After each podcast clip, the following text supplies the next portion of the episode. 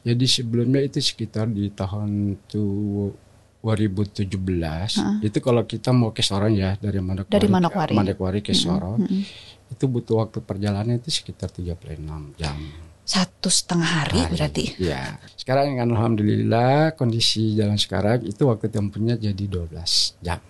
Dari 36 jam sekarang jadi 12 jam. Wow.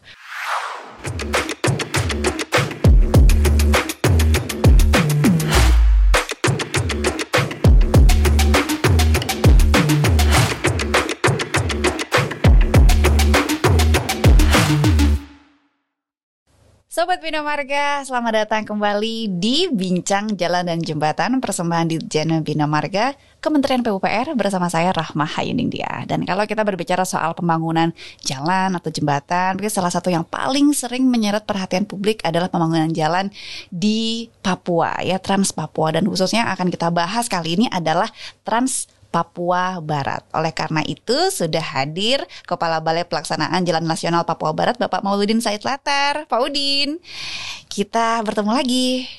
Ya Pak ya. Siap. Pak Udin ini kalem sekali loh. Dari tadi kita udah ngobrol panjang lebar ya di perbincangan sebelumnya soal eh, lebih kepada eh, jalur Trans Papua Barat yang ternyata bertabur lokasi wisata. Wah, harus nonton makanya ya yang episode yang pertama sama Pak Udi. Nah, sekarang kita mau membahas lebih detail lagi.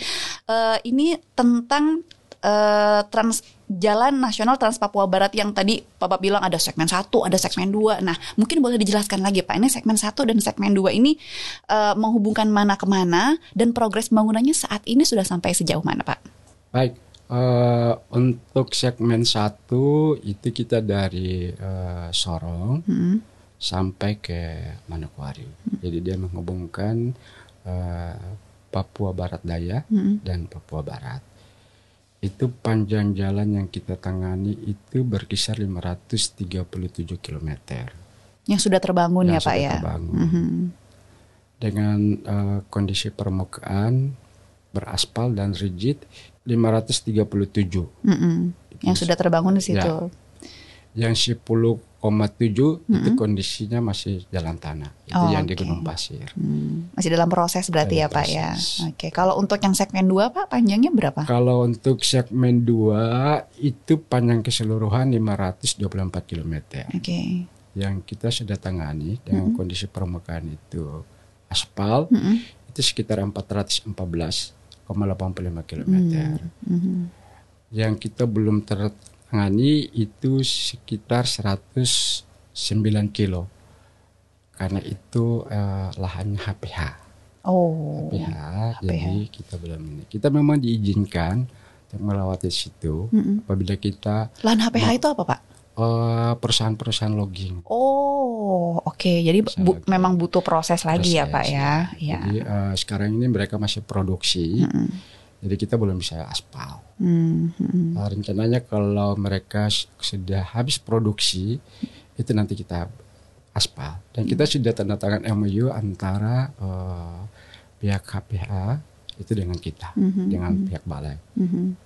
Jadi ini dipastikan akan rampung gitu ya Pak Akan ya, rampung. akan rampung. Nah berarti dengan adanya Jalan Trans Papua ini yang segmen 1, segmen 2 ini, ini bisa mengefisiensikan waktu tempuh. Jadi berapa lama Pak? Dari berapa lama terus sekarang jadi berapa? Ya, jadi sebelumnya itu sekitar di tahun tu 2017 itu kalau kita mau ke Sorong ya dari Manokwari, Dari Manokwari. Manokwari ke Sorong Mm-mm. itu butuh waktu perjalanan itu sekitar 36 jam. Satu setengah hari Hari. berarti. Ya, dari pagi sampainya besok sore. Itu belum berhenti berhenti ngopi Berhenti, dulu, ya. makan sukun goreng dulu, ya Pak ya. Sekarang Sekarang kan alhamdulillah kondisi jalan sekarang itu waktu tempuhnya jadi 12 jam. dari 36 jam sekarang jadi 12 jam. Wow, kok Jadi- saya ikut gembira sekali mendengarnya ya, Pak ya. Jadi minum Luar biasa. pagi di di Manokwari, Hah? sorenya bisa ngopi dan makan sukun goreng di Kota Sorong. itu saya pengen banget loh Pak nyobain itu Pak ya. Seru juga Ya. dari Manokwari ke Sorong sekarang jadi hanya 12 jam. 12 jam. Ini menarik. Nah, kalau kita berbicara soal pembangunan pasti kita juga akan eh, membayangkan ini butuh anggaran besar nih pasti. Wah, ini untuk anggarannya sudah menghabiskan berapa banyak, Pak?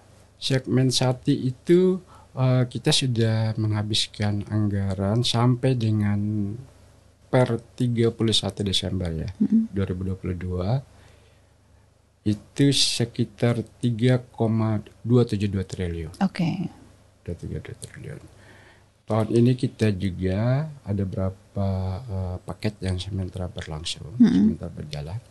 Jadi kalau dihitung sampai dengan per 31 Desember 2023 itu total anggaran yang kita tangani dari 2017 sampai dengan 2023 itu sekitar 3,551 triliun. Hmm. Untuk penganggaran di segmen 2 sam- dari 2015 sampai dengan 2022 kemarin Mm-mm. itu kita sudah menghabiskan eh, alokasi sekitar 3,203 triliun Hmm. dan tahun ini eh, alokasi dana di situ sekitar 539 miliar. Oke. Jadi nanti sampai dengan akhir Hmm. 2023 itu sekitar 3,742 triliun. Mhm.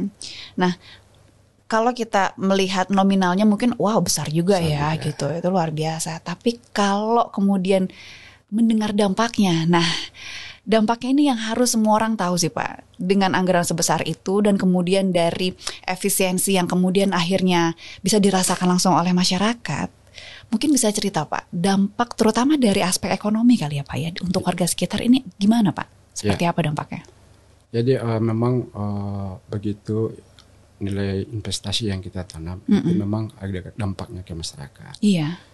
Eh, saya ambil satu contoh kasus itu seumpamanya di Teluk Bentuni. Mm-mm. Eh, Teluk Bentuni itu biasanya mereka kirim bahan dari Pulau Jawa ke Teluk Bentuni itu butuh waktu sekitar 20 hari dalam perjalanan. Karena kalau masuk ke Teluk Bentuni kan daerahnya selat-selat. Heeh. Ada daerah-daerah spot yang dangkal, Oh berarti laut perjalanan laut. ya laut. Oke. Jadi dia masuk teluk. Mm-mm. Nah, itu kan kapal agak sulit untuk mendarat. Ya. Justru itu mereka ambil alternatif itu dari Manokwari. Mm-mm. Dari Manokwari ke Bentuni. Kalau sampai di Manokwari saja itu sekitar eh, 7 sampai 8 hari. Berarti eh, harga jual barang sembi- eh, sembilan bahan pokok di di Bentuni kan agak mahal tuh. Betul betul. Nah, sekarang dengan kita sediakan infrastruktur jalan Mm-mm. yang dari Manokwari sampai dengan Bentuni itu sudah menekan harga eh, sembilan bahan pokok itu. Oke. Jadi mereka ambil eh, kapalnya itu sandar di Manokwari, Hmm. nanti lewat eh, transportasi darat sampai ke Bentuni. Oke, jadi harganya jadi lebih murah Lebih ya Pak. murah. Saya soalnya pernah inget eh, apa ya eh, tahunnya memang sudah lama sudah lama sekali sih Pak. Bahkan mungkin Jalan Trans Papua eh, Barat ini mungkin belum ada.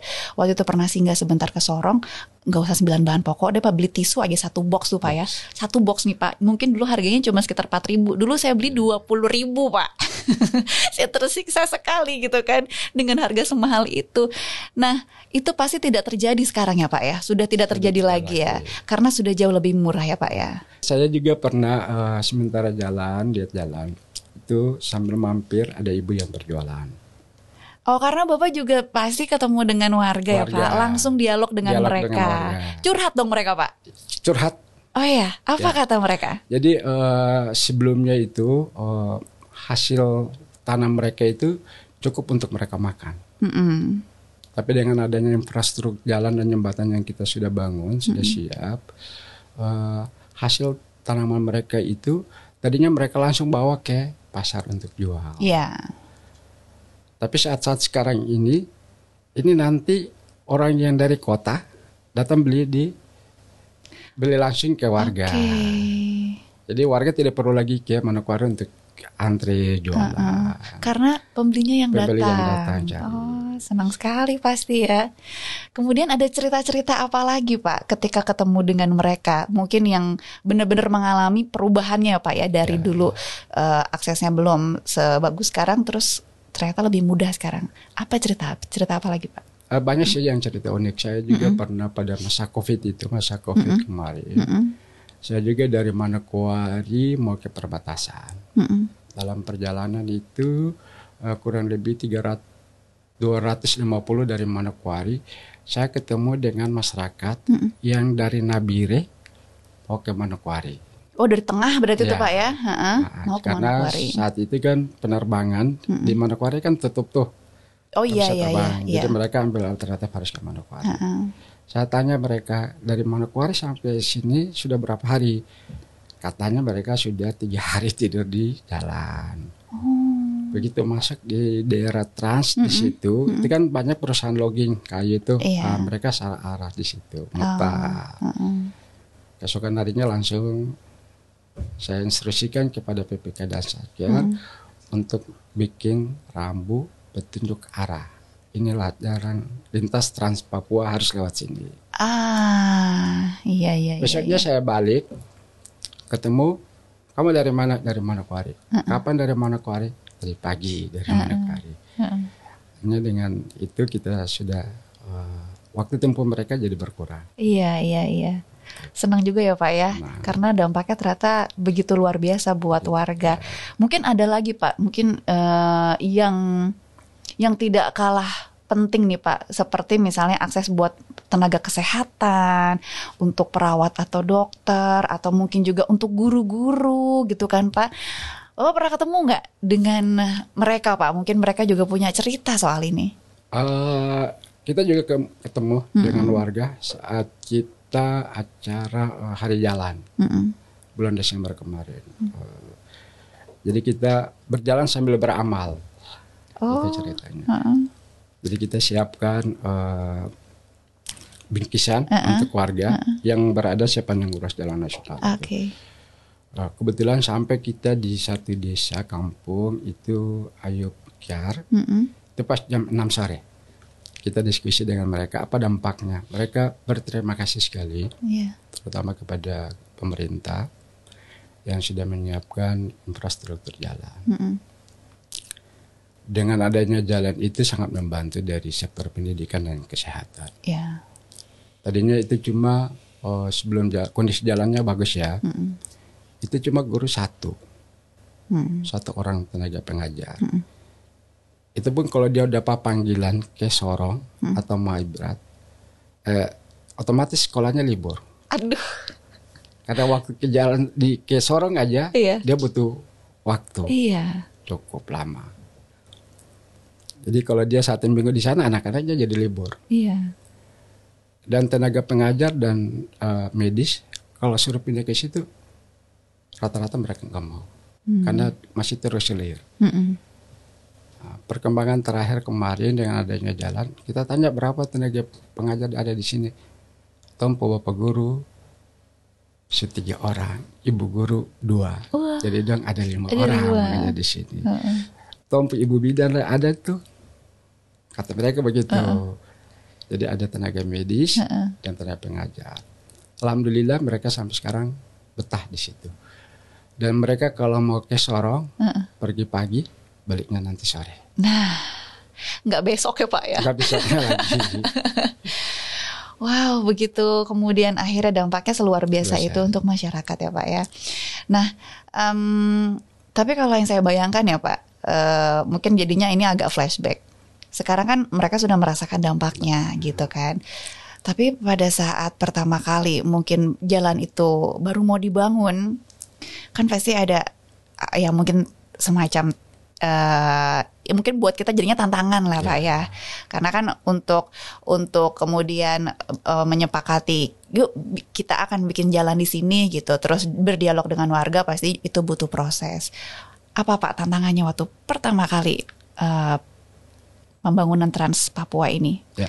Jadi eh, memang kalau di Papua itu juga dikenal dengan negeri adat. Mm-mm. Jadi ada kebiasaan mereka masing-masing daerah kan pasti ada. iya Ada hak-hak wilayah warga.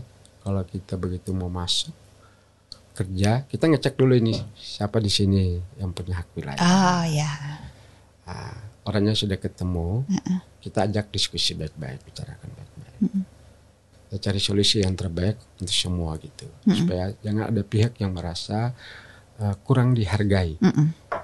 Ya, orang kan cuma butuh penghargaan. dan betul pengakuan. betul betul Itu yang selalu kita lakukan. Tapi dalam perjalanan ya namanya manusia. Mm-mm.